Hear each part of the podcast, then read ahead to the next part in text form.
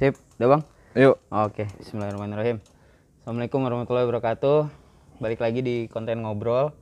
Sekarang bareng sama Bang Edo, Edo Dadika ya? Putra Pratama. Edo Dadika Putra Parat, Putra Pratama. Panjang ya nama gue ya. Oke. Eh, sekarang kita mau ngebahas sedikit tentang eh, critical thinking di dunia advertising ya? Bisa. Di dunia advertising ya? advertising. Dunia Oke. kehidupan juga. Dunia kehidupan. Oke. Nah, kalau critical thinking sendiri apaan sih Bang? Sebenarnya kayak gimana? Ini kalau critical thinking itu sebenarnya lebih kepada ini sih kemampuan kita menganalisa sebuah isu atau sebuah situasi. Sebenarnya situasi sih. Kayak misalnya yang paling simple ya, kayak critical thinking itu lu udah tahu dulu sama sama sesuatu yang ada di eh, surrounding lu gitu kan. Nah, Kayak misalnya lu sering nggak sih kalau misalnya tiba-tiba lu pas lagi jalan gitu tiba-tiba mata lu segini gitu karena lu menghindari lalat gitu atau apa gitu oh ya. itu kan refleks tuh Ah. nah critical thinking kurang lebih kayak gitu tapi isunya tuh lebih pada isu yang masuk ke panca indera kita informasi Ah. terus isu-isu tentang misalnya eh, kenapa ibu-ibu kalau jalan sennya kiri beloknya ke kanan ya Nah, itu kan bisa membahayakan gitu. Dari situ sebenarnya ada critical thinking yang objektif ya ke depannya itu lebih pada solution. Ini biar gimana caranya nih ibu-ibu nggak gini lagi nih gitu. Karena itu membahayakan. Karena kan surrounding yang kita lihat tuh surrounding. hmm, hmm. Terus kayak misalnya eh, poin eh, apa ya? Kayak ketika lu melihat berita, mendengar berita, membaca berita dari headline Hmm. Terus kan kita sering ya ketika kita ngeliat baca headline doang tapi isinya beda tuh ya. Hmm, hmm. Terus kadang-kadang orang suka juga eh, terpancing untuk udah tahu nih headline-nya begini pasti isinya begitu tau, langsung publish-publish aja ternyata headline-nya beda gitu kan. Eh, dari hal kayak gitu, gua pribadi ya, gua pribadi tuh berpikir ini kayaknya kadang-kadang kalau gua baca berita gua nggak nggak bisa langsung mengambil kesimpulan bahwa isinya bakal A gitu. Tapi emang gue harus baca dulu daripada gue nanti kayak orang-orang ternyata isinya beda. Itu yang sering kejadian kayak gitu. Nah itu sebenarnya part of critical thinking. Kalau dalam kerjaan, dalam industri gue advertising, ya, digital marketing, eh, digital advertising, gue biasanya mulai berpikir berpikir kritis itu dari brief. Hmm. Jadi kalau klien datang ke gua atau gua datang ke klien gitu, biasanya diundang untuk pitching segala macam kan ngasih brief tuh. Dari brief itu gua langsung berpikir kritis gitu. Nah kemarin gua baru ketemu sama klien, dia minta dia punya apa namanya eh, properti, dia minta dibikinin digital marketing. Eh, di kepala gua itu kalau bicara brief itu biasanya ada yang udah tertulis. Hmm. Tapi ini ngobrol nih. Wah, gua sama temen gua kan telinga kecil kan nggak ada yang ngobrol nih. Ya udah gua otomatis nyatet sama ngerekam pakai audio kan. Hmm. Dari situ obrolannya ngalur ngidul, gua rasa nggak ada akan yang nyatet dan ini nggak akan ada yang inget. Mau ngomongin apa. Hmm. Besoknya kita mau bikin deck bahannya dari mana? Kan itu pertanyaannya tuh. Itu apa pondasi untuk berpikir kritis untuk bisa ngakalin nextnya tuh seperti apa gitu. Akhirnya banyak pertanyaan yang keluar. Punya marketing plan nggak pak? Setahun. Dia baru keluarin cerita baru. Gue bakal ada ini bakal ada ini. Hmm, dari tadi satu jam ngomong nggak ada. Nggak ngomong loh itu kalau nggak gue tanya dengan basic critical thinking gue nggak akan ke- kejawab nggak akan ketahuan itu. Dan biasanya kalau misalnya eh, ada anak-anak anak baru biasanya ya gue eh ketika mereka dapat brief meskipun itu tertulis ketika gue baca pasti banyak pertanyaan gue dan gue minta tolong balikin dong ke klien tanyain ini ini ini ini gini. Kadang-kadang ada yang nggak kejawab kadang-kadang ada yang kejawab tapi kok kayaknya bukan ini jawabannya harusnya nih atau kadang-kadang kejawab tapi eh, agak ngablu. Hmm. itu banyak sebenarnya. Akhirnya output yang kita keluarin juga bisa jadi nggak sesuai sama Yang maunya dia gitu. Atau yang sesimpel gini juga nih yang sering gue alamin ya kalau di kerjaan. Lo tahu kan kalau misalnya ada activity yang eh, di digital tuh eh, apa namanya bikin eh, resep masakan pakai bumbu ini gitu. Nanti dapat hadiah ini kan banyak tuh ya? Hmm. kompetisi-kompetisi gitu dari brand ya? Hmm. ada nih salah satu klien gue nih eh, eh, apa makanan. Hmm. minta bikinin resep dari bumbunya dia. Bikin dong.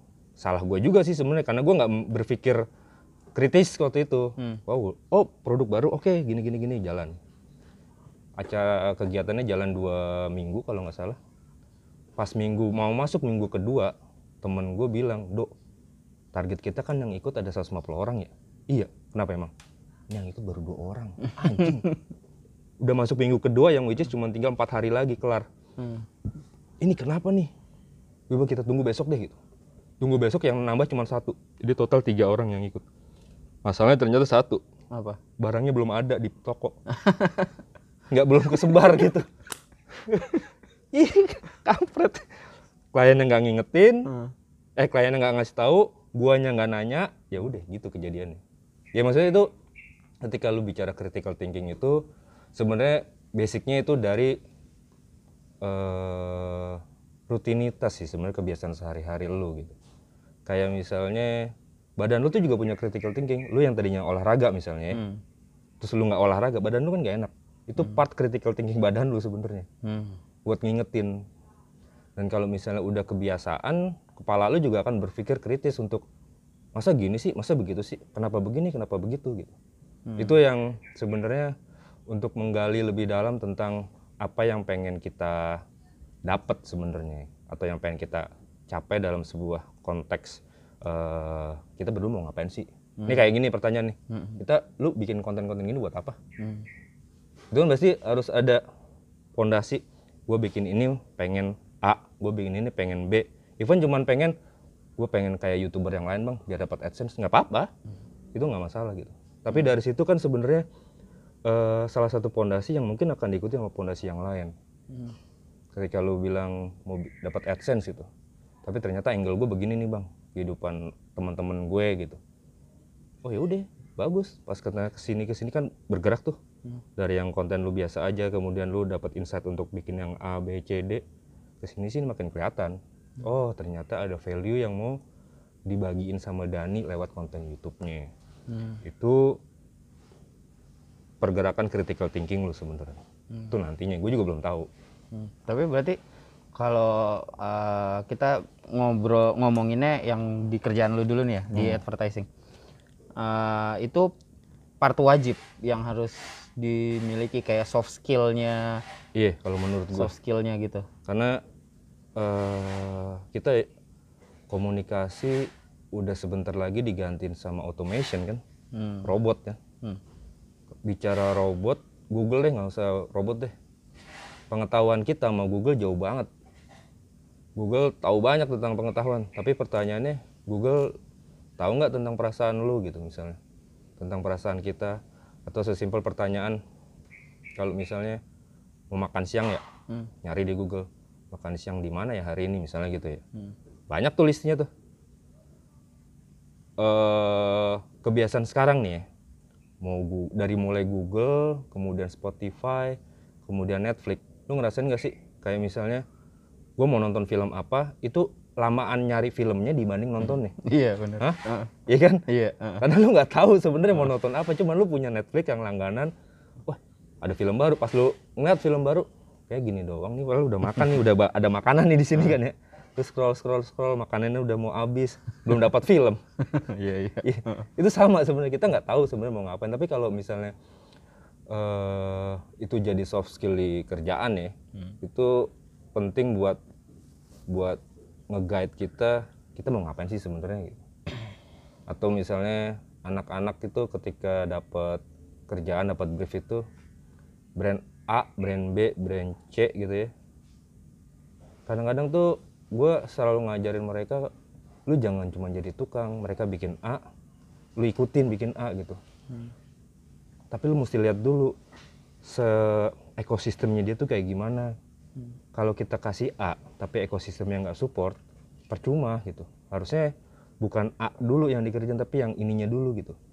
Beberapa kali gue nolak kerjaan karena kerjaan ini belum sepatasnya dikerjain karena lu belum punya eh sorry lu belum belum apa namanya belum memperbaiki aspek yang sini gitu. Contoh nih misalnya nih.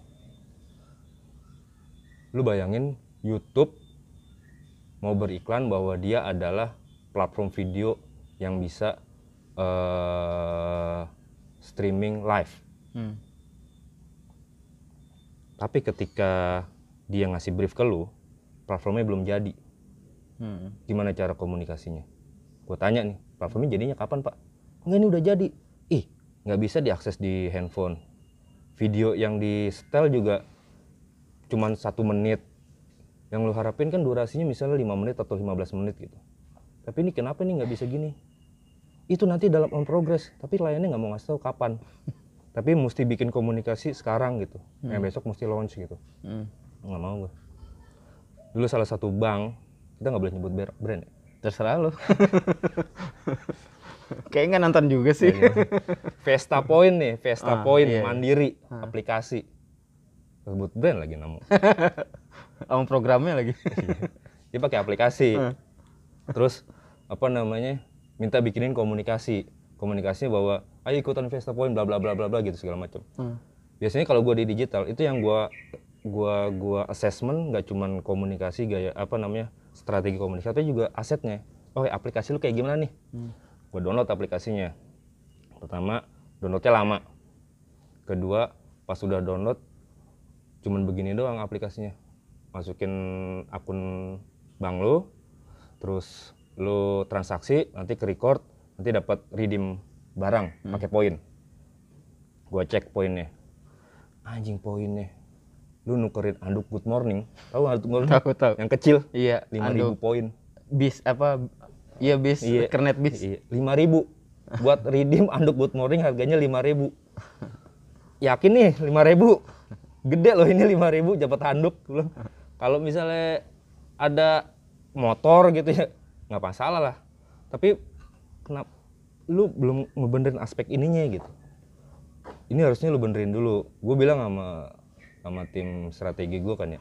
Lu mau komunikasi lu menang award kalau aplikasinya begini percuma gue bilang karena nggak ya nggak support lah lu ngomong up kayak gini misalnya dan ke rumah gua ada makanan sate kambing segala macem. Udah datang ke rumah gua cuman kuaci. Kesel nggak lu? Kesel nggak? Ya kan? Ya kayak gitu kurang lebih. Gua nggak nyiapin environment gua tapi gua udah ngundang orang untuk main. Hmm. ada dua nih sama juga tuh BUMN nih yang sekarang nih. Dia ngajak untuk apa namanya jadi jadi member jadi customernya dia. Tapi ini finansial juga. Jadi gini eh kalau lu mau melakukan apa istilahnya mau mengkredit eh, minta kredit ke bank atau ke mana gitu ya ini bukan bank sih sebenarnya Eh, lu biasanya kan akan menghitung simulasi duluan ya Hmm. misalnya pinjaman gua se eh, 50 juta Iya. terus Tenornya berapa? tenornya berapa, segala macam itunya kan ya ini gini juga sama nih tapi ini bukan bank Apa fintech? bukan juga fintech Hmm. Ini belum bisa gua omongin Iya, karena iya. gue masih ini masih mau gue propose Oh iya iya. Eh, apa namanya Eh, ketika ada button Hmm. cek simulasi lu mesti daftar dulu jadi nasabahnya Nasabah. lah bagaimana gua mau tahu dulu simulasi lu gimana baru gua mau jadi nasabah tapi sama platformnya sama dianya jadi nasabah dulu baru bisa simulasi Hmm. ya nggak ketemu klien nggak ketemu eh nasabah nggak ketemu dianya juga nggak ketemu Ya, itu kayak ini yang cermati gitu ya? kalau cermati masih bisa tuh dia ngebuka. Iya tanpa harus daftar Iya, atau apa. tapi dulu dulu dia sempet emang dia dia ngeluarin untuk lu ngisi form dulu segala macem. Hmm. itu juga. Nah itu sebenarnya banyak banyak apa yang gua gua gua perhatiin. Dari yang dulunya begini Hmm. mereka evolve karena mereka ngeliat bahwa oh harusnya nggak begini nih. Lu nggak human banget sih. Lu ngajak orang tapi lu nggak nggak buka semua gitu. Akhirnya dirubah ada yang begitu. Tapi yang klien gue yang mau baru mau masuk ini masih begitu Hmm. Ya itu sebenarnya kombinasi dari basicnya tuh critical thinking. Hmm. Ya intinya gue selalu bilang kalau ke anak-anak critical thinking tuh sebenarnya kayak lu kayak lu aja deh sebenarnya.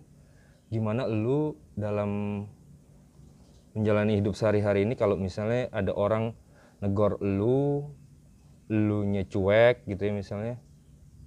Tapi coba dibalikin gimana kalau lu negur orang orangnya cuek Cuek. lu suka nggak nah kalau nggak suka ya jangan gitu gitu itu part critical thinking menurut gue Hmm. jadi ada sisi connecting dots ada sisi empati sama simpatinya Hmm. Nah terus kalau sekarang kondisinya berarti anak-anak advert itu harusnya pas pasti ini sama critical thinking atau justru masih rendah atau gue nggak bisa nilai sih ya gue kan Heeh. selama ini apa namanya gue maksudnya kalau di kantor sih gue selalu ngegenjot untuk berpikir kritis Hmm. di kantor ya tapi gue nggak tahu kalau di kantor lain Hmm. jadi gue nggak bisa bilang semua anak punya semua orang di dunia advertising punya itu bisa jadi iya bisa jadi juga enggak gitu tapi yang pasti kalau anak-anak yang baru biasanya ya gitulah ada ada delay delaynya untuk learning segala macem kadang-kadang mesti dikerasin ya kayak gitu gitu Hmm, tapi tapi pasti ada kan ada perbedaan pelayanan kan antara ya perusahaan kantor yang pasti banyak critical thinkingnya sama yang enggak Iya, biasanya nih ya, biasanya ada yang tipikal lagi nih, ngejar billing. Hmm. Nah kalau critical itu thinking, basicnya tuh solution, lebih ke solution. Jadi kasarnya lu mau minta, nyamuk, lu klien, lu datang ke gua. Ini kan udah based on critical thinking lu ya sebenarnya ya. Anggap aja gitu ya. Dok, gua mau ini ini ini ini. Lu ngasih gua brief segala macam. Dan kayaknya nggak ke sini dulu lu. Ini based on assessment gua dan critical thinking gua segala macam nano. Tapi lu nggak mau. Gua maunya gini gini gini gini. Temen gua, partner gua bilang, udah ambil aja dulu billing yang dihitung. Hmm. Kalau gue yang gue ambil solutionnya gitu. Kayaknya kadang-kadang itu nggak ketemu antara sisi bisnis sama solutionnya dalam artian eh lu ngejar billing atau mau ngejar yang itu dulu. Karena nih mereka pasti berpikir ini untuk hal yang mereka pengen butuh cepat dalam hal sales misalnya. Hmm. Terus gue bilang nggak bisa ke situ dulu. Ini ininya belum kelar nih. Ya banyak yang kayak gitu sebenarnya. Hmm. Gue kira gua kira klien kayak dewa gitu, enggak juga ternyata. Ya dalam konteks dia minta sesuatu ya dewa. dalam artian dewa tuh gue juga selalu mikir gini sih. Kadang-kadang juga mungkin apa yang gue pikirin tuh nggak nggak nggak cocok sama klien untuk beberapa klien ya. Kadang-kadang juga yang gue pikirin juga pasti salah gitu. Karena klien itu pasti dia punya punya insight yang lebih dalam dibanding kita. Orang luar yang ujuk-ujuk diajak untuk mikir bareng, baru datang baru masuk udah merecetin gitu ngerti nggak lu sih? Iya, iya. Au au au au au. Klien kan pasti jengkel. Anak kemarin sore lu gitu. Kasarnya gitu, gitu. kadang-kadang gue juga mesti ngerem. Hmm. maksudnya gue nggak nggak yang eh, langsung ngejedak di depan harusnya gini gini gini enggak tapi gue mesti lihat dulu poin-poinnya dulu apa yang mereka maksud dengan A misalnya. Eh, kemudian dari situ baru gue bisa mikir pak kayaknya kalau A ini belum saatnya tapi kalau mau dipak coba bisa. Biasanya kata kunci gue gini sih. Eh kita nggak saranin sekarang gitu. Tapi mungkin nanti kita cek dulu segala macam beberapa bulan gitu. Nih kayak misalnya gini juga nih. Ada klien yang minta social media maintenance. Hmm. tiga bulan. Mungkin ada agensi lain yang mau ambil tapi kalau gua nggak gua nggak mau ambil. Karena jeleknya performa sosial media menurut gue itu baru bisa dilihat dicek enak eh, dicek performanya itu dalam konteks setahun timelinenya setahun Hmm. kalau tiga bulan pertama lu baru adaptasi sama audiens di sosial media akun itu. Hmm. sebulan itu belum kebaca tracknya. Lu butuh waktu paling nggak dua bulan. Dua bulan itu lu bisa ngeliat bulan kemarin sama bulan yang sekarang jalan kan. Lu compare. Tapi lu belum punya pembanding lagi di bulan ketiga. Ngerti nggak maksudnya? Bener, jadi kan lu punya satu adaptasi satu lu punya report tapi li report ini belum ada pembanding nih Hmm. lu butuh pembanding satu di bulan ketiga. Lu baru punya report tiga bulan tuh. Hmm. Dan itu nggak cukup. nggak cukup menurut gue. Kan pasti naik turun kan fluktuatif. Belum lagi ketemu momen-momen misalnya kita ngambil kita dapat misalnya dapat dapat kliennya tiga bulan ya dok. Tapi pas momennya eh, misalnya sebelum lebaran. Hmm. pas di bulan kedua lebaran misalnya. Jadi puasa lebaran. Itu berbeda momennya ketika dia datang ke kita pas akhir tahun Dese- eh, September Oktober November misalnya. Tiga bulannya di situ. Beda tuh apa namanya eh, sense of audiensnya ya, meskipun sama target market tetapi euforianya pasti beda. Yang satu lebaran yang satu akhir tahun. Akhir tahun. dan itu nggak bisa gue bilang compare apple to apple tentang seasoningnya. Kan season lebaran sama season tahun baru dong sama. Ya beda tapi kalau di Indonesia menurut gue. Iya. ya kan? Iya, iya. itu Ada pengaruh culture juga. ada pengaruh culture segala macam nah, itu sebenarnya itu dari konteks bisnis mungkin nggak bagus. Hmm. tapi dari sisi klien juga sebenarnya kalau misalnya kita kasih tahu begitu mereka akan paham biasanya. Oh iya bener juga ya gitu. Kadang-kadang ada yang begitu juga. Jadi kita selalu ngasih setahun deh pak kalau mau social media maintenance sama kita gitu. Kalau tiga bulan kita nggak bukannya nggak bisa tapi jelek buat kita jelek buat bapak karena performance-nya nggak bisa kita learning gitu Hmm.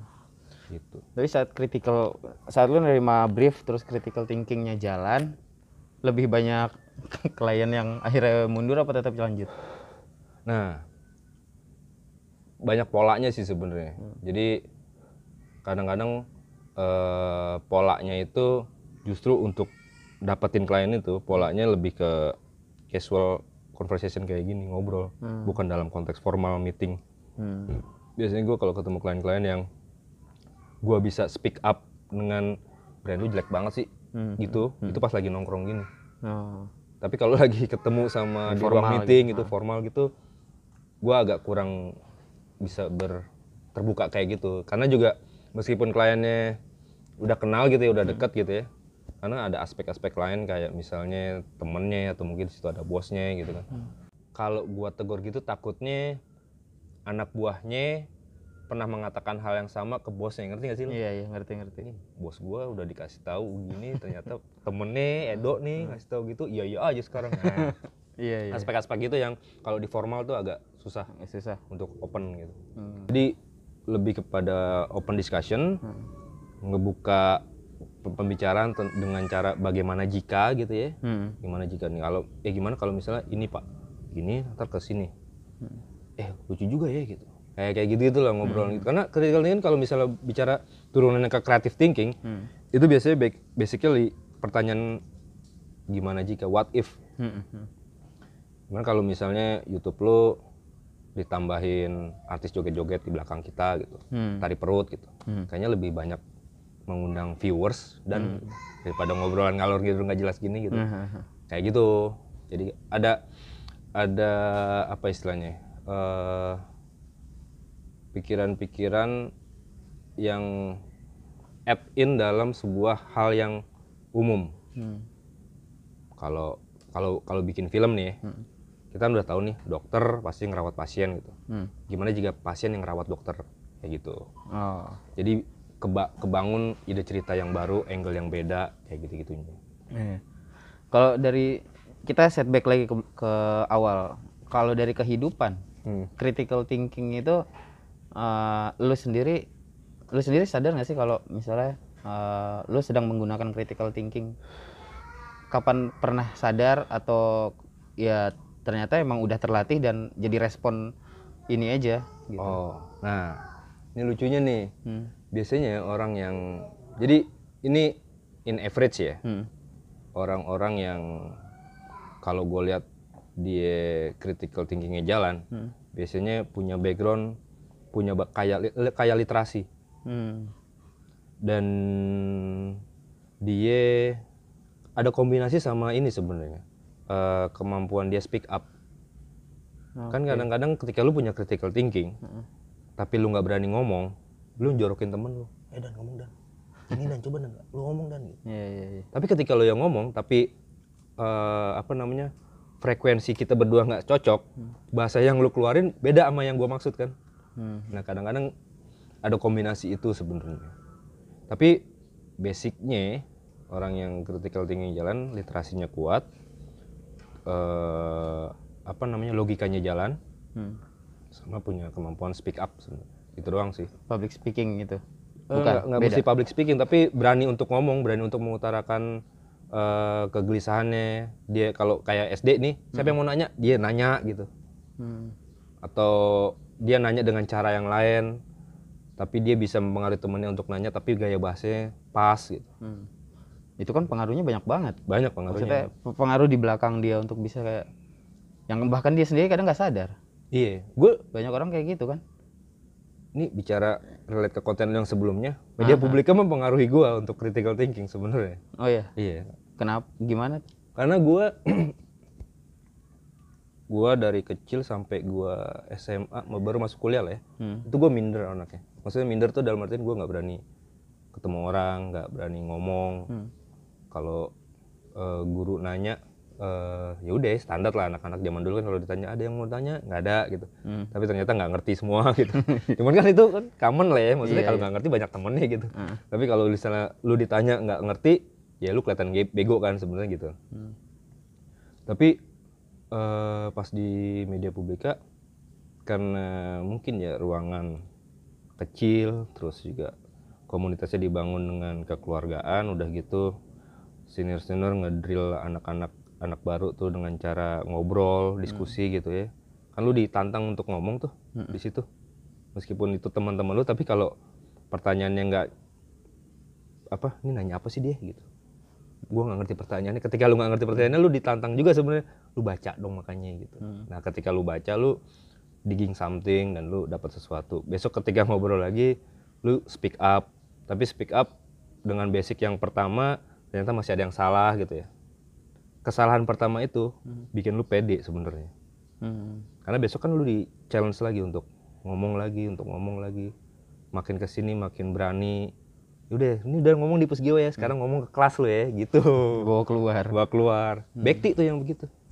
Ada temen namanya Bekti ya. Oh iya media media publika tuh pers mahasiswa di Universitas Profesor Dr. Mustopo. Nah, berarti pertama lu ngerasa kayak gitu, itu pasti deg-degan banget dong kalau dari awalnya lu emang minderan. iya Terus tantangannya akhirnya lu tetap nggak? karena ternyata ketika udah ketika lu melakukan sesuatu yang di luar kebiasaan lu Hmm. itu dapat exciting sendiri sih excitement sendiri di dalam diri lu dulu waktu di media publika yang sering jalan nama gue tuh Bekti Hmm. kebetulan dia ada mata kuliah yang ngulang di di, di semester gua Ko- politik lagi komunikasi politik yang gue juga nggak ngerti-ngerti amat kan dulu politik. Bekti coaching. Dok, tanya gini dok. Gini gini gini gini, ya gue nanya lah seret gitu tunjuk tangan. Bekti kunyuknya dia nyodorin gue untuk nanya pas sudah mau habis kelas. Lima menit sebelum habis gue suruh nanya. Heeh. itu kan tensinya beda tuh. Heeh. pertanyaan gue bener dosen gua mau dosennya jawab kamu minta kalau nggak salah waktu itu. Oh iya. dosennya jawab cuman sama Bekti dicolek lagi. Tanya lagi dong gini dong tanya lagi bel anak-anak teriak semua. Udah dong Iya. Iya kan? Iya iya. iya. tensinya beda tuh jadi kayak anjing minder gitu turun gitu. Sama Bekti dicolek-colek terus. Pas kelar gua ngerasa excitementnya beda. Besok gua mau nanya lagi. Karena kayak ada PD di situ. Hmm. itu sebenarnya ngelatih PD-nya di situ gua. Iya gara-gara media publika sih sebenarnya. Tapi emang ada lu 97 ya? Eh iya kan 97. Itu kan lagi masa-masanya mau deket-deket demo juga kan? iya udah demo sih Oh udah. udah demo Lu terlibat juga? Iya, ya, sering. ya ini kaki gua kebakar bom molotov. Tapi gua apa namanya? Ya itu maksudnya eh bicara tentang ini basicnya critical thinking, tapi kita kayak bicara tentang social relationship, Hmm. Organisasi dan kita nongkrong itu sebenarnya yang ngebentuk lu untuk bisa begitu sebenarnya. Speak up segala macam karena gue ngeliat kalau kayak tongkrongan gitu ya Hmm. media publik kan kurang lebih sama ya kayak tongkrongan ya. Hmm. tongkrongan itu eh, orang-orang yang ada di situ kan beda-beda beda maksudnya dalam artian eh, sifatnya beda sama kita segala macam keinginannya hobinya juga beda Hmm. di situ pasti kurang lebih akan ada banyak eh, benturan-benturan kepentingan. Gue maunya gini gue maunya begitu gitu. Di saat kita mau menyamakan visi itu Hmm. itu melatih kepercayaan diri kita di situ ngelatih logika kita Hmm. ngelatih empati kita sama lawan bicara akhirnya ngebentuk critical thinking nantinya gitu. Karena gue juga sini sini belajar bahwa apa yang gue bilang bener belum tentu bener di mata lu Hmm. dan itu sama kayak di bisnis. Hmm. ketika gue ngomong pak harusnya gini gini gini. Sok tau lu dok yang punya produk gue. Maunya gini gue gitu. Cuman belum bisa pak gini gini lu pikirin caranya. Nah biasanya gitu. PR di situ. Itu yang disebut dewa itu. Iya. Lu pikirin caranya gue ngikut lu. Kadang-kadang gitu. Hmm. ketika bi- nah ketika gue disuruh mikirin caranya itu gue mikirin hal yang lain lagi. Maksudnya critical thinking gue coba ngelo- nge- apa namanya ngelebarin aspeknya lagi dalam konteks eh misalnya eh, ini gimana caranya supaya dia bisa tetap jalan eh, activity tapi tanpa harus melakukan hal yang gue suggest. Kayak misalnya eh Pak ini kan ada e-commerce. Iya ada e-commerce. Terus lu pengennya ke e-commerce kan? Iya. Tapi website lu ada e-commerce sendiri gimana caranya tuh masuk ke Tokopedia segala macem dari website? Kalau lu di situ ada e-commerce. Terus gimana? Ya tutup aja e-commerce lu langsung dra- drive ke Tokopedia. Emang harus gitu? Ntar kalau misalnya ada dua orang bingung mau beli di mana. Bener juga lo nah gitu. Kurang lebih kayak gitu tuh. Apa namanya? Sentuhan-sentuhannya yang tapi PR-nya kadang-kadang gini. Gua ngeluarin budget lagi dong gua. Ya mau nggak mau iya iya iya. Tapi itu part solusi sebenarnya dari situ. Iya dan kadang orang banyak yang nutup mata sama solusi yang mu- susah. Nyarinya solusi yang mudah. Iya bener solusi yang mudah. Dan ini sih sebenarnya kayak poin eh kita tadi kan bilang ada budget lagi dong gitu. Itu kan Iya. termasuk susah. Sama ini kadang-kadang yang dia bikin eh mungkin saat itu bagus tapi ketika waktu berjalan udah nggak update dia lupa update dan dia lupa untuk mem- me- apa namanya eh bikin budget untuk itu. Karena dia nggak kepikiran. Kan biasa tanda kalau perusahaan kan tahun depan ada budget apa segala macam gitu. Ketika itu udah dikalkulasi untuk marketing tahun depan dia lupa naruh itu akhirnya kusut tuh. Hmm. ya kan? Hmm. kayak dulu gue bikin event eh tiketnya beli online Hmm. terus eh tim gue udah kerjasama sama Raja Karcis Gua sebut brand lagi gue punya Erick Thohir lagi ya, Raja Iya. Karcis ya. tapi nggak apa-apa lah buat Bapak Erick Thohir kali aja nanti bisa dibenerin Raja Karcis ya eh tim media gue bilang, dok ini kenapa ya kok pembeliannya rendah? Harusnya in average berdasarkan datanya dia rata-rata event kayak gini eh, sehari itu bisa 10 orang kata dia gitu. Ini cuma satu kata dia. Oh serius lu? Iya satu dua satu dua kagak sempat lima nggak sempet kata dia. Gua assessment. Wah anjing ternyata masalahnya satu. apa Journey-nya dia di dalam kepanjangan. oh Jadi untuk sampai beli tiket itu 12 langkah. uh Sedangkan gue compare. Karena kalau misalnya apa assessment gitu kan lu mesti dapat best practice dari pembanding kan. Gue compare sama loket. Loket cuma tiga langkah. Gue panggil orang marketingnya si Raja Karcis. Bro, gini gini gini gini nih bro. Gue yakin lu sih nggak bisa merubah ini dalam waktu singkat sih. Hmm. Tapi paling nggak lu ketika lu ini rubah bisa ningkatin eh, performa lu untuk ke depannya. Cuman ya kita udah kadung jalan gini, lu ngasih gua 12 langkah, loket.com 3 langkah, pantesan pembeliannya tersendat-sendat ini gua. Dia diem aja. Ya, ya iya mas gimana ya kata dia. Ya gimana, bukan masalah gue. ya, akhirnya gua ngomong lagi ke temen gua. Nih mungkin nggak kita ubah nih, maksudnya kita cari cari tiket vendor yang lain gitu. Udah nggak bisa, ya udah akhirnya mau gimana? Hmm. ya acara itu di saat itu sih dibilang gagal saat itu acara gua waktu itu bikin ini bikin event etis eh, ngundang all for one. Oh berarti itu termasuk dari vendor yang nggak ramah pengguna ininya ya, aplikasinya? Iya maksudnya eh tadi kita, kita bicara critical thinking dalam konteks advertising ya. Sebenarnya luas banget kalau bicara konteks sekarang ketika ketika kita bicara critical thinking dalam segala aspek mau lu kerja di kreatif mau kerja jadi jurnalis mau jadi PR bahkan mau jadi dokter. Kayak dokter aja sebenarnya kan ya itu kan dia udah tahu gejala penyakit ya kan?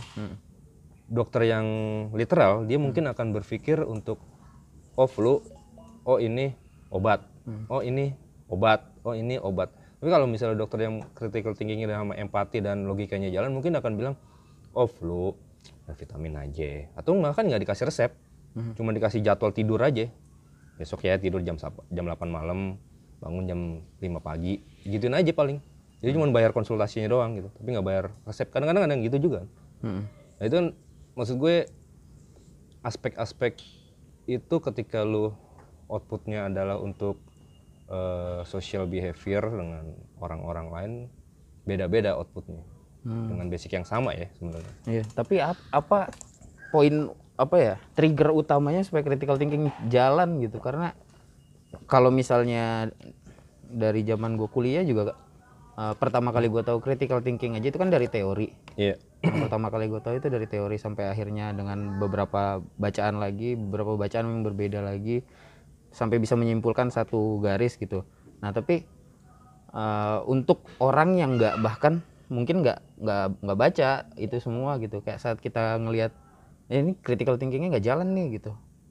Triggernya apa yang bikin orang critical thinkingnya jalan gitu kayak apa ya mungkin juga salah satunya pengalaman ya mungkin ya. Hmm, salah satunya pengalaman. Karena lu akan menemukan sama banyak salah sebenarnya. Hmm, banyak salah. Lu banyak salah itu bukan berarti hal yang buruk menurut gue.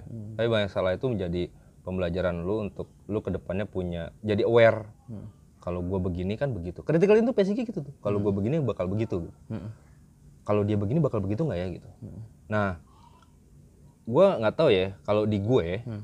itu biasanya akan jadi sebuah modus apa ya modus tuh sesuatu yang berulang gitu. Oh sesuatu yang jadi apa ya kayak eh, lu udah tau lah kalau misalnya mendung pasti hujan gitu. Kasarnya gitu ya 80% gitu. Hmm. poin itu sebenarnya eh, jadi pondasi lu untuk bisa eh, apa namanya beradaptasi sama kondisi itu. Jadi kata oh gue mau keluar mendung 80% bawa payung deh gitu. Itu kan part critical thinking sebenarnya di situ. Hmm. atau misalnya eh, bos gue minta A tapi biasanya bos gue nggak pernah minta A langsung ke gue nih. Ada apa ya gitu. curiosity itu bagian juga dari critical thinking Iya, curiosity, rasa penasaran. iya Tapi kan kalau misalnya kita bisa merasa semudah itu gitu, hmm. kayak soft skill critical thinking, apalagi sekarang banyak banget yang bikin soft skill eh, pekerja atau karyawan yang dicari. Critical thinking masuk tuh, termasuk creative thinking juga kan. iya Itu nggak bakal jadi yang banyak dicari gitu, karena emang pasti secara alami akan dia dialami setiap orang. Nah masalahnya eh, kenapa mereka nggak jalan gitu? Critical thinking itu nggak jalan. hmm. ya nggak tahu ya gue kenapa itu Karena ini yang paling gampang narik lurusnya aja ya gampangnya sebar hoax. Iya. Itu kan contoh paling gampang. sama iya benar bisa juga ya paling gampang. sebenarnya pertama literasi kedua itu rasa penasaran Hmm. Rasa penasaran emang nggak kebentuk sebenarnya kayak hoax ya Hmm. yang tadi kita bicara di depan kayak misalnya orang gampang banget nge-share berita padahal itu belum tahu beritanya bener apa enggak Mm-mm. eh frame orang pun nggak tahu ya yang gue lihat di circle gue di sosial media itu entah alasan apa banyak orang yang nge-share berita itu bukan dari media-media yang menurut gue cukup capable Kompas, Tempo, media Indonesia segala macam tapi ya berita-berita yang ya gitulah ya, yang tahu namanya berita pojok eh apa namanya daunhijau.com yang kayak gitu gitulah gitu. Iya iya iya. portal apa lagi gitu kan ya kenapa dia ngambil berita ini? Eh apa namanya eh, kenapa dia nge-share berita ini gitu. Meskipun konteks yang di share itu ada di berita yang mainstream gitu. Mm-mm. Tapi pasti ketika dia nge-share itu dia mencoba untuk mencari pembenaran atas opininya dia. Hmm. ya nggak sih? Mm-mm. zaman inilah zaman apa namanya Ahok Anis Mm-mm. itu kan berita-berita dari media yang kita nggak tahu sebelumnya tiba-tiba nongol banyak tuh. Dan itu kebanyakan kan mengcounter atau mendiskreditkan uh, satu sosok gitu ya. Entah Anies atau entah uh, Ahok gitu. Tapi ketika dilihat beritanya banyak dip- diputar-putar gitu yang harusnya di media umumnya begini di sini kayaknya redaksinya nyari duit nih gitu ya kayak gitu gitulah Iya iya. udah ditambah rasa penasarannya nggak ada literasinya kurang punya emosi yang berlebih jadilah sosial eh apa namanya sosial media bubble lo tau sosial media Iya, bubble tahu. apa? Berarti ya ya itu tadi kompleksnya adalah saat saat eh, media media yang tadi nggak nggak nggak jelas lah bilangnya ya karena nggak ya nggak pernah didengar juga nge-share satu berita terus yang baca nge-share juga karena yang isinya itu sesuai dengan apa yang dia apa mau yang dia mau Iya. gitu karena kan banyak banyak orang cuma dengerin apa yang mau dia denger doang Iya. bukan apa yang mau dia butuh Hmm. denger gitu nah kalau udah kema bentukannya kayak gitu kan berarti antara critical thinkingnya nggak ada atau gimana gitu kan? Iya dua Kayak- aspek tuh. apa tuh? Si pembuat berita sama si pembaca Audiensnya, yang, iya. yang share. Eh, apa namanya? Mungkin yang pem- yang membuat berita ada kepentingan duit hmm. kepentingan bisnis ada kepentingan traffic di share segala macam karena beritanya kontroversial gitu ya. Itu bukan bukan lebih baik ya maksud gue itu ada ininya ada apa namanya ada kepentingan duit gitu di situ ada objektifnya satu sisi ada kepentingan lain emosi atau segala macam gitu ya Hmm.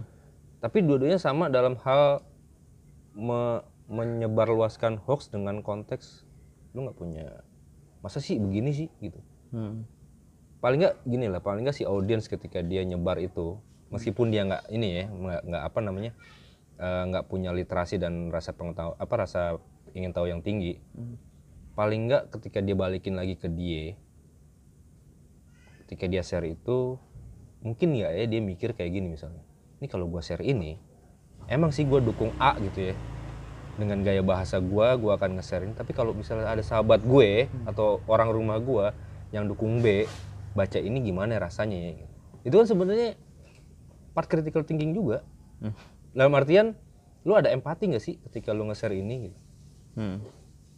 banyak tuh yang dipikirin makanya namanya critical thinking itu selain aspek uh, knowledge ada empati juga menurut gue yang pantas nggak ya gue gini Hmm. kalau gue anggap pantas apakah orang lain pantas nganggap ini pantas gitu Hmm. Itu juga nggak banyak. Ya, Iya. Contoh contoh paling gampangnya juga aja ya yang sering share-share foto korban kalau ada apa. iya iya itu juga sama kayak tadi pertanyaan pertama lo Jokowi apa namanya. Mem- membedakan antara kritik dan ledekan atau apa ujaran Arti, arti kebencian kritik gitu. yang udah biasa. Iya. Itu juga krit m- kritik kan yang diambil aspeknya adalah bukan personalnya kan, Hmm. tapi mungkin apa tindakannya atau pola pikirnya atau kebijakannya gitu kalau presiden ya. Kan itu yang diambil ya. Hmm. Eh, tapi yang keluar sekarang mungkin cuma ada satu baris, dia akan akan apa namanya eh, naikin tentang kebijakannya Jokowi misalnya. Tapi itu ada lima paragraf yang empat paragraf di bawahnya adalah ngejelek-jelekin. ya bapaknya apa orang tuanya misalnya yang dibawa-bawa gitu. Yang nggak ada konteks. Nggak ada hubungannya. Banyak kan kayak gitu kan. Hmm. Cuman menurut dia itu udah bagian dari kritis gitu, kritiknya dia terhadap pemerintah. Oh, ih, kenapa lu kejauhan lu? Ya udah ini aja. Nah, satu lagi nih, satu lagi yang menurut gue ya.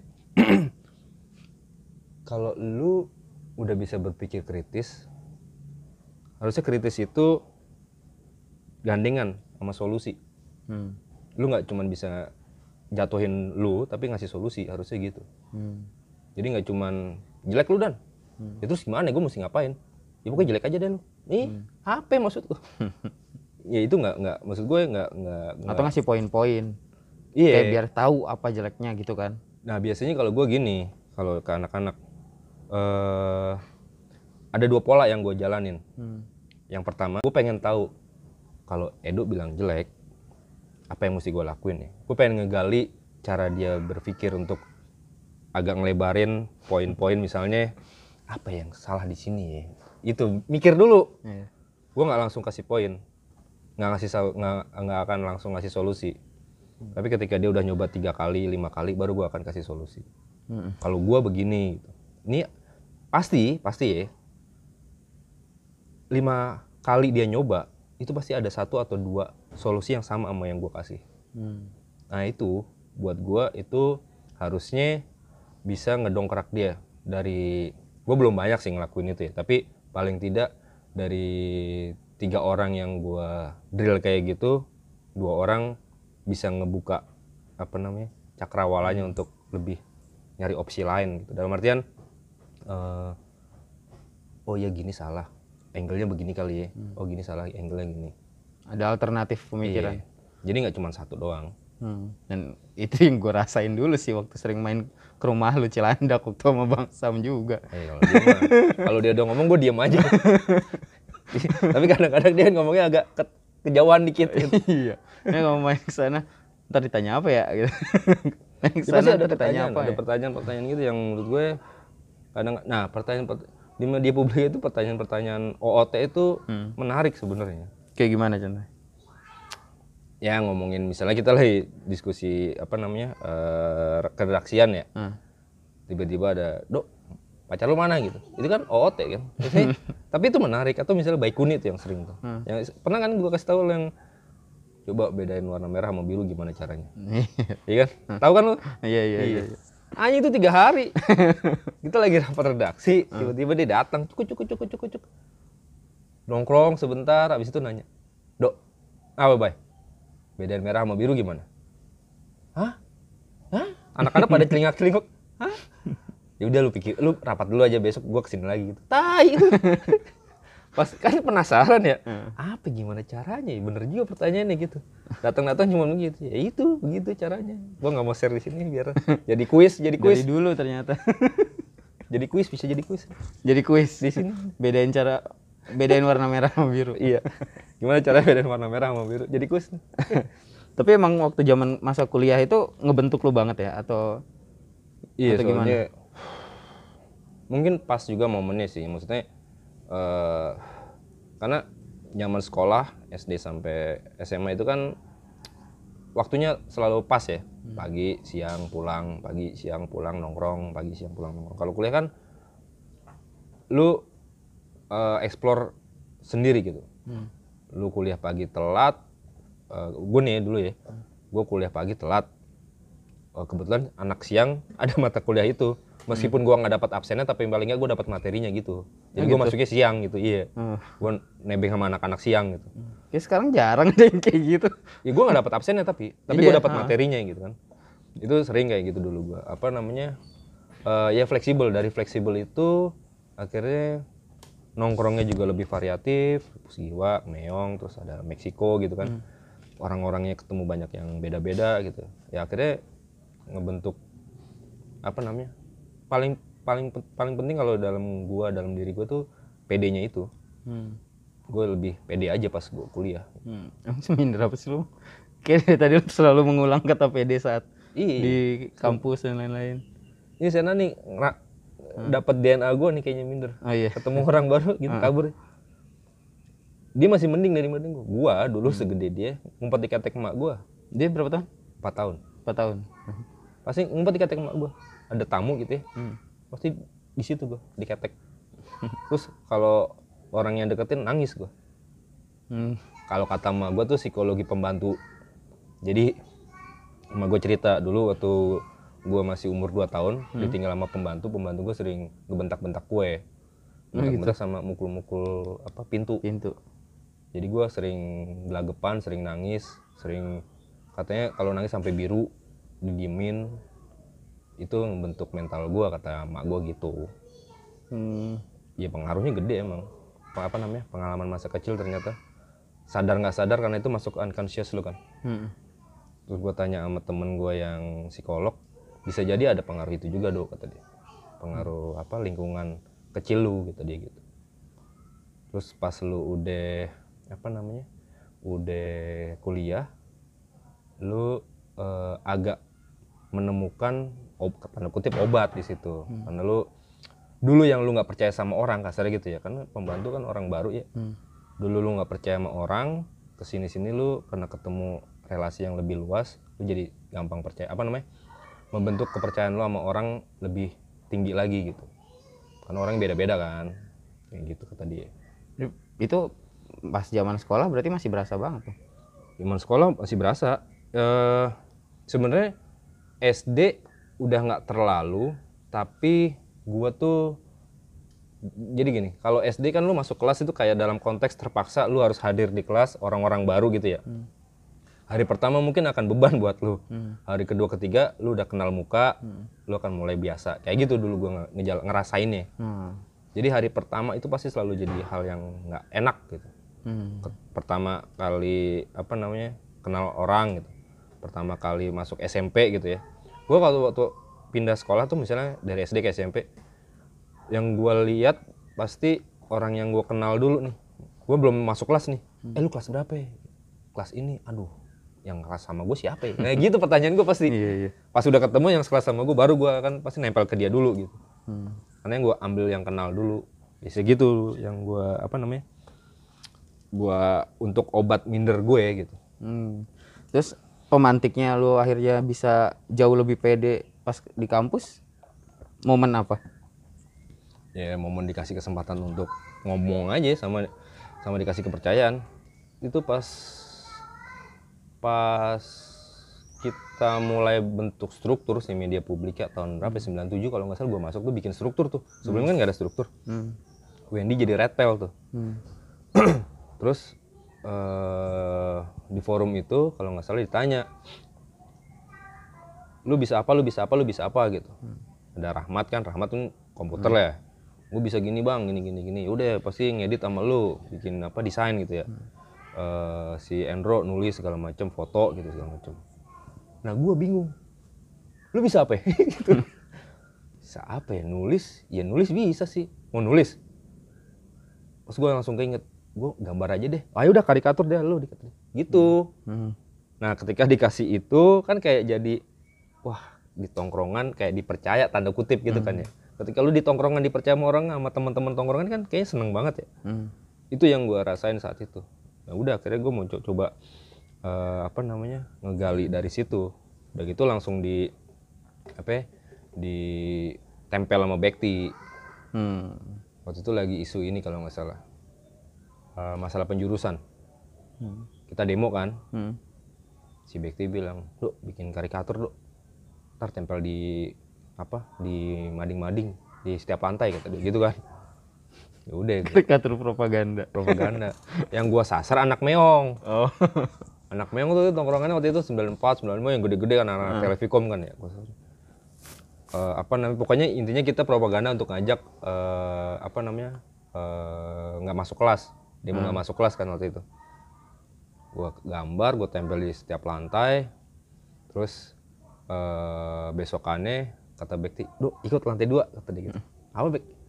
Nih. Lu cari lu do cari anak meong dia ditulis. Karikatur gua gambar gua anak meong nggak kayak gini siapa yang gambar nih? Tai. Bangsat lu gua cari lu ya.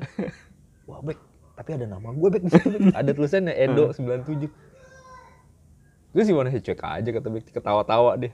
Bek gimana Bek? Tapi itu takut sekaligus bangga gue. Oh iya. Bangganya tuh nggak kenapa? Apa di notice? Di notice dan dapat feedback. Karya gue itu pertama kali karya gue di notice dan dikasih feedback. Oh. Meskipun feedbacknya jelek ya, cuman oh Feedbacknya nakutin. iya. nakutin cuman, wih seneng nih. Berarti ada attention. Mm-mm. Kalau misalnya advertising dapat awareness gue di situ. Gitu. Iya. Iya kan? Iya benar. Ya seneng aja gue. nah itu salah satu pemantik pede sih di situ. Hmm. karena ya itu kan konteksnya ketemu rasa takut segala macem ini takut ya rasa takut takutnya takut dikeroyok aja gua nggak bisa berantem Emang apa? Karika lu bikin karikatur apa sih? ya pokoknya situasinya meong ada anak-anak di nongkrong di meong Hmm. terus gua kasih komentar eh, pokoknya intinya eh, kuliah kuliah di Mustopo penjurusannya nggak jelas bayarnya mahal segala macem. Masih aja nongkrong gitu. Kalau nggak salah gua ngomongnya. Anak meong nggak kayak gini. Bangsat gue cari lu kata dia. Baik gua mau dipukulin. Ya, dan gi- dan itu berlanjut. Maksudnya kayak rasa percaya dirinya itu? Iya pasti ada momentum-momentum yang menurut gue eh, kayak jadi ngebus pede gue saat itu. Ya itu tadi yang di kelas, hmm. Terus eh, pas lagi di pusgiwa di challenge untuk eh, speak up sama ideas gitu kan. Ya anak-anak sering ngomong, maksudnya dalam lu punya ide apa dok? Bikin ini nggak? Bikin itu nggak gitu?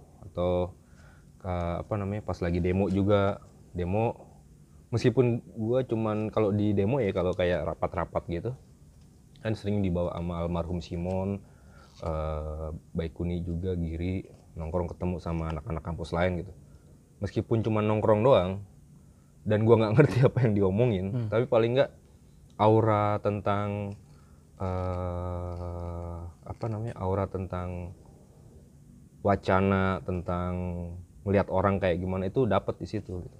meskipun gue juga ngomong karena gue ngomong juga nggak tahu mau ngomong apa gitu tapi paling nggak nongkrong di situ duduk gitu diem gitu Hmm.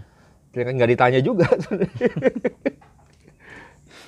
Sama sama kayak gue waktu dulu main apa yang di Permata Hijau ya kontrakan itu. Iya. Sana. Gue nggak boleh masuk kan lu udah baca baca berapa buku di depan aja lu digituin gue sama Bang Irul. iya itu kalau kalau itu sebenarnya bercandaan sebenarnya tapi dulu kayaknya kenceng tuh kalau dulu yang senior senior yang tua tua tuh senior kayak dulu tuh kalau nggak salah ada jok lu tidur pakai bantal di buku ditendang wih tidurin baca gitu lalu buat tiduran bantal dong gitu. Tapi dulu sakral banget ya. sakral sih enggak juga ya Enggak. gue nggak ngerasain itu sakral cuman eh, yang jadi sakral tuh ketika ketika eh, apa lu kayak nggak tahu apa-apa gitu ngerti nggak? Hmm. jadi lagi diskusi terus lagi ngebahas satu topik itu kan ketika lu lu kayak ini lah kayak misalnya di tongkrongan sakral itu personal dalam artian nggak ditembak ya sama orang lain nggak ditembak sama senior atau ditembak sama temen temen yang gue rasain tuh sakralnya ketika lu lagi diskusi lagi ngobrol gitu sama satu topik kayaknya rame obrolannya saling saut-sautan gitu tapi lu nya diem aja gitu. Ngerasa nggak nyambung. rasa nggak nyambung dan itu rasa goblok banget dan itu jadi sakral buat gue dan gue harus mau nggak mau "Ini baca apa sih tadi nih? Gitu bisa ngomong kayak gini gimana caranya sih? Gitu. Hmm. tapi ya balik lagi ke bacaan oh baca ini baca ini gitu. Kalau dulu eh, Simon almarhum tuh sering bilang gini lo kalau lu nyari cewek mendingan lu pretelin tuh komunikasi antar pribadi kayak gimana. Kasih buku komunikasi antar pribadi buku paket. Apaan mun? Ih baca aja biar dapet cewek. Solek gue bilang. Banyak teori-teorinya gitu dia. Ya ya ya ya. Cuman ya ya maksudnya di, di ini di apa namanya di kayak dipraktekin gitu Hmm. Tapi kan lo juga ada pilihan pindah tongkrongan sebenarnya. Nah, pindah tongkrongan sebenarnya bukan pilihan sih, tapi lebih kepada eh apa ya kayak kebutuhan sih. Hmm. Kebutuhan dalam artian bukan pindah ya, tapi ya fleksibel aja ya. Gue kadang nongkrong di sini, kadang nongkrong di situ gitu. Karena kalau misalnya lu cuma satu tongkrongan, takutnya jadi ini, jadi apa namanya? Ngerasa tongkrongan lu paling bener gitu, ngerti nggak lu? Ah, iya. Iya kan? Heeh. Ya bubble lagi. Iya bubble lagi karena apa yang tapi kan dulu dulu itu di Mustopo kan bubble-nya anak MP pasti pinter gitu, anak MP pasti kritis gitu. Ah. Kan gitu bubble itu dulu. eh satu sisi dimanfaatin sama anak-anak.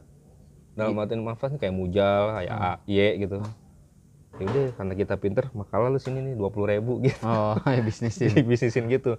Cuman ya itu kan efek lain lah. Tapi, dalam artian kalau misalnya pindah tongkrongan ya gue ngeliatnya ya kebutuhan aja untuk bisa memvariasi eh tongkrongan ini ngomongin apa sih, apa yang dibahas gitu. Tongkrongan yang lain ngomongin apa lagi. Itu doang sebenarnya. Hmm. Gue sebenarnya setback balik lagi ke pertanyaan awal ngebentuk kreat- critical thinking itu kalau lu nggak nggak sadar lu harus kurius itu gimana gitu karena itu susah banget apalagi Belum kalau ya misalnya dari tadi ya? iya kalau misalnya anak tadi kan nggak nggak cuma di adver nggak Nah, cuma ini di deh kayak gini deh. Cara ngejawabnya mungkin kayak gini. Hmm. Eh, meskipun gue juga sekarang-sekarang ini nggak terlalu obsesif sama gue mau ngapain lagi ya gitu. Hmm. Tapi ketika gua ditanya atau misalnya ada klien, biasanya dari klien ya, mau A gitu ya, ya gue mesti pretelin dulu. Pondasinya mau sampai A tuh kayak gimana caranya A, B, C, D, E gitu. Atau kayak misalnya gue yang lagi gua coba bentuk Sena sebenarnya. Hmm. Karena basicnya kreatif, eh kreatif, critical thinking. Podcast Sena tuh selalu itu salah satu cara salah satu cara untuk ngebentuk itu menurut gue Hmm. karena gue akan ngebebasin dia untuk bicara apa pun yang ada di kepalanya dia meskipun itu selalu diulang-ulang. Kalau misalnya gue tanya kita wawancara apa nih Sen hari ini? Mainan. Oke. Besok wawancara mainan. Besok wawancara mainan. Ngobrolnya ngalor ngidul mainan tapi akan dieksplor sama dia. Mainan A gini mainan B begini. Dan itu selain melatih cara dia ngobrol ngelatih ininya juga apa namanya memorinya dia sama eh gue selalu nanya kenapa sama dia. Hmm. dan itu kejawab dan ke bawa sama dia. Jadi kalau misalnya waduh kenapa pulang malam aduh ya kerja kenapa kerja nah panjang tuh kenapa kenapa kenapa kenapa ya dalam satu sisi dia udah kayaknya pengen tahu lebih jauh di lain sisi PR di gue jawab kenapa kayak nanya eh, waktu itu nanya eh, Allah siapa ya? ada tuh pernah nggak Eh, di dia? podcast ya. ada nggak yang lebih gede dari alam semesta? Hmm. Allah, tahu dari mana? Udah, ntar dulu ya gitu. Biasanya gitu, ntar dulu ya. Jawabannya belum titik, tapi masih berkelanjutan. gitu. ah itu lah maksudnya, ya yang obsesi gue sekarang ya itu sebenarnya lebih kepada edukasi anak gue. Tapi kalau dalam konteks karir gitu segala macam, eh gue lebih suka ini sih sebenarnya lebih kayaknya sekarang tuh eh, training ngasih training ngasih Training.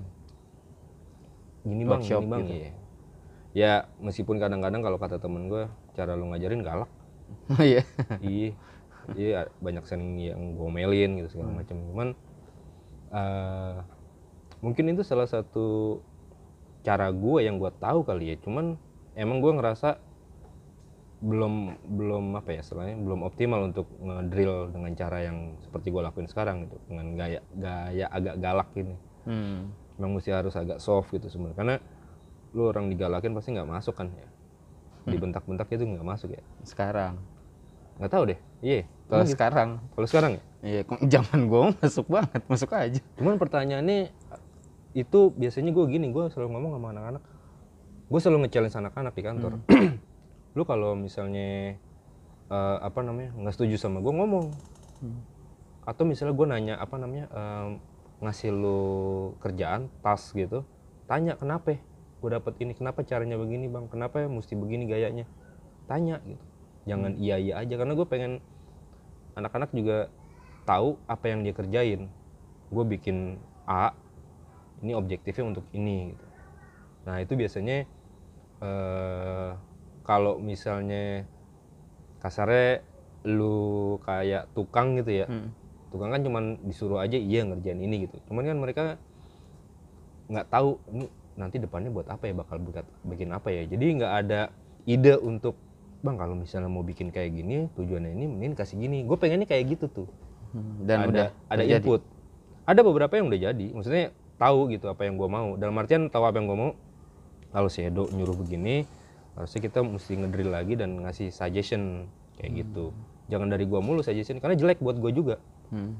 karena kalau misalnya lu udah sampai pada level apa ya eh, manajer gitu ya kalau segala sesuatunya direct by lu jeleknya lu jadi eh, apa namanya micromanagement tau nggak Hmm. nah micromanagement jelek kan Hmm. pertama lu kayak nggak percaya sama anak buah lu kedua anak buah lu jadi tergantung sama lu Hmm. dan lu capek sebenarnya Tapi banyak yang kejadian ya banyak ba- banyak juga kasus mungkin dari yang anak-anak lu juga sebelum-sebelumnya yang yang nggak boleh nanya kenapa sama bos sama atasan kan banyak juga yang kejadian kayak gitu ah gua nggak tahu kalau dalam konteks eh, beda culture perusahaan ya Hmm. Tapi kalau dari personal gue, pertanyaan kenapa itu kalau konteksnya bisnis atau konteksnya kerjaan profesional gitu, menurut gue harus. Hmm. Kenapa mesti gini pak? Kenapa nggak gitu? Atau misalnya pertanyaan kenapa itu diputar dengan cara gimana kalau gini pak? Misalnya gue ngasih tahu ya, Hmm. gue mau bikin ini nih eh, kuis besok gitu. Hmm. Gini gini gini gini gayanya visualnya gini, ntar captionnya gini gitu. Kalau lu bisa langsung masuk dengan gimana kalau Nah, suggestion gimana kalau gini bang, pakai cara ini nanti gini gini gini gini gini. Itu kan ada diskusi tuh enak tuh. Itu masih nggak masalah. Maksudnya akan lebih welcome gua personal ya Hmm. dibanding gua terus yang nyekokin. Ya itu tadi guanya akan jelek, elunya akan jelek misalnya anak buah gua akan jelek. tergantung sama gue gue jadi micromanagement lu salah dikit pasti gue ngomel Dan lu capek- sesuai nggak sesuai sama yang gue mau gitu Dan lu capek sendiri juga. gue capek sendiri juga double di gue jeleknya di anak-anak jeleknya pertama nggak pede Hmm. kedua jadi tergantung sama atasannya ketiga pas dia pindah kerja misalnya akan kebawa apa namanya kebiasaan ini. Dan dia akan dilihat nggak perform gitu. Jeleknya gitu.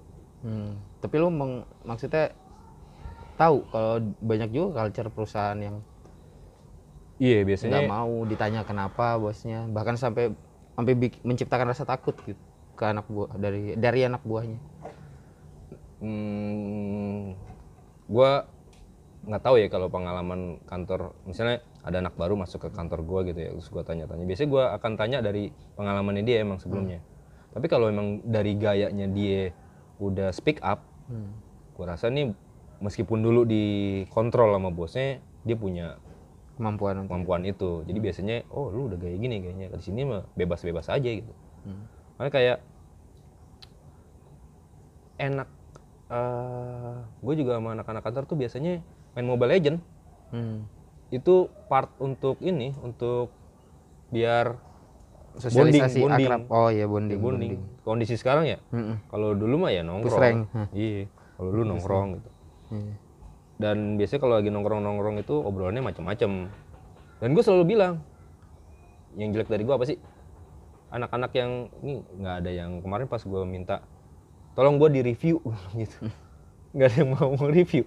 Nggak tahu dalam konteks nggak enak atau apa gue nggak ngerti. Ini ada yang saya sekarang masih sering main gue tanya, tolong review gue dong. Wah terlalu bang. ah telek lo, gua bilang gitu.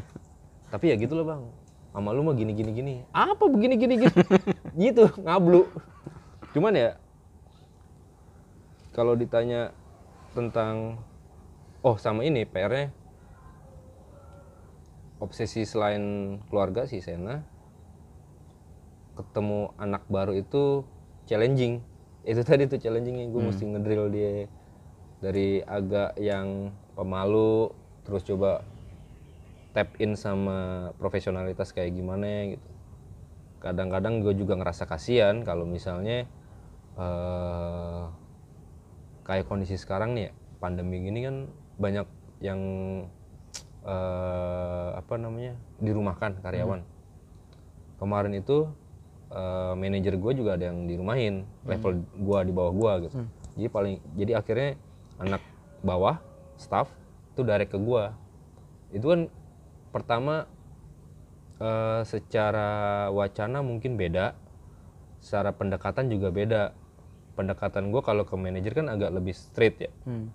gini gini gini gini lu punya apa? Gini gini gini. Nah karena mungkin usianya juga jauh yang staff ini ke gue jadi agak sungkan gitu PR-nya di situ. Hmm. Jadi kayak Ada gap. ada gap ada gap karena nggak enak nih nggak enak nih gitu. kayak gitunya. Ya ya sebenarnya konteks pandemi sih sebenarnya. Hmm. tapi mau nggak mau kan di situ yang mesti turun guanya ya kan? Gue mesti ke bawah gitu. Itu part critical thinking juga sebenarnya. Dalam arti gue mesti empati sama dia. Hmm. masih belajar gue sekarang. Jadi nggak selesai sebenarnya. Belum selesai. Critical thinking itu belum selesai. Iya sih, malah kayaknya nggak akan selesai sampai ya orang mati Iya. karena kan selama hidup berjalan otak berjalan terus. sama ini startup startup itu Hmm. berdiri juga karena critical thinking biasanya Hmm. ya Gojek kayak gitu kan Yang menjawab solusi. iya karena lu nyari solusi gimana caranya pakai teknologi Hmm. oh gini aja kali ya Hmm. trial trial jalan eh, update update update upgrade segala macem jadi bisnis Hmm. Gitu Hmm.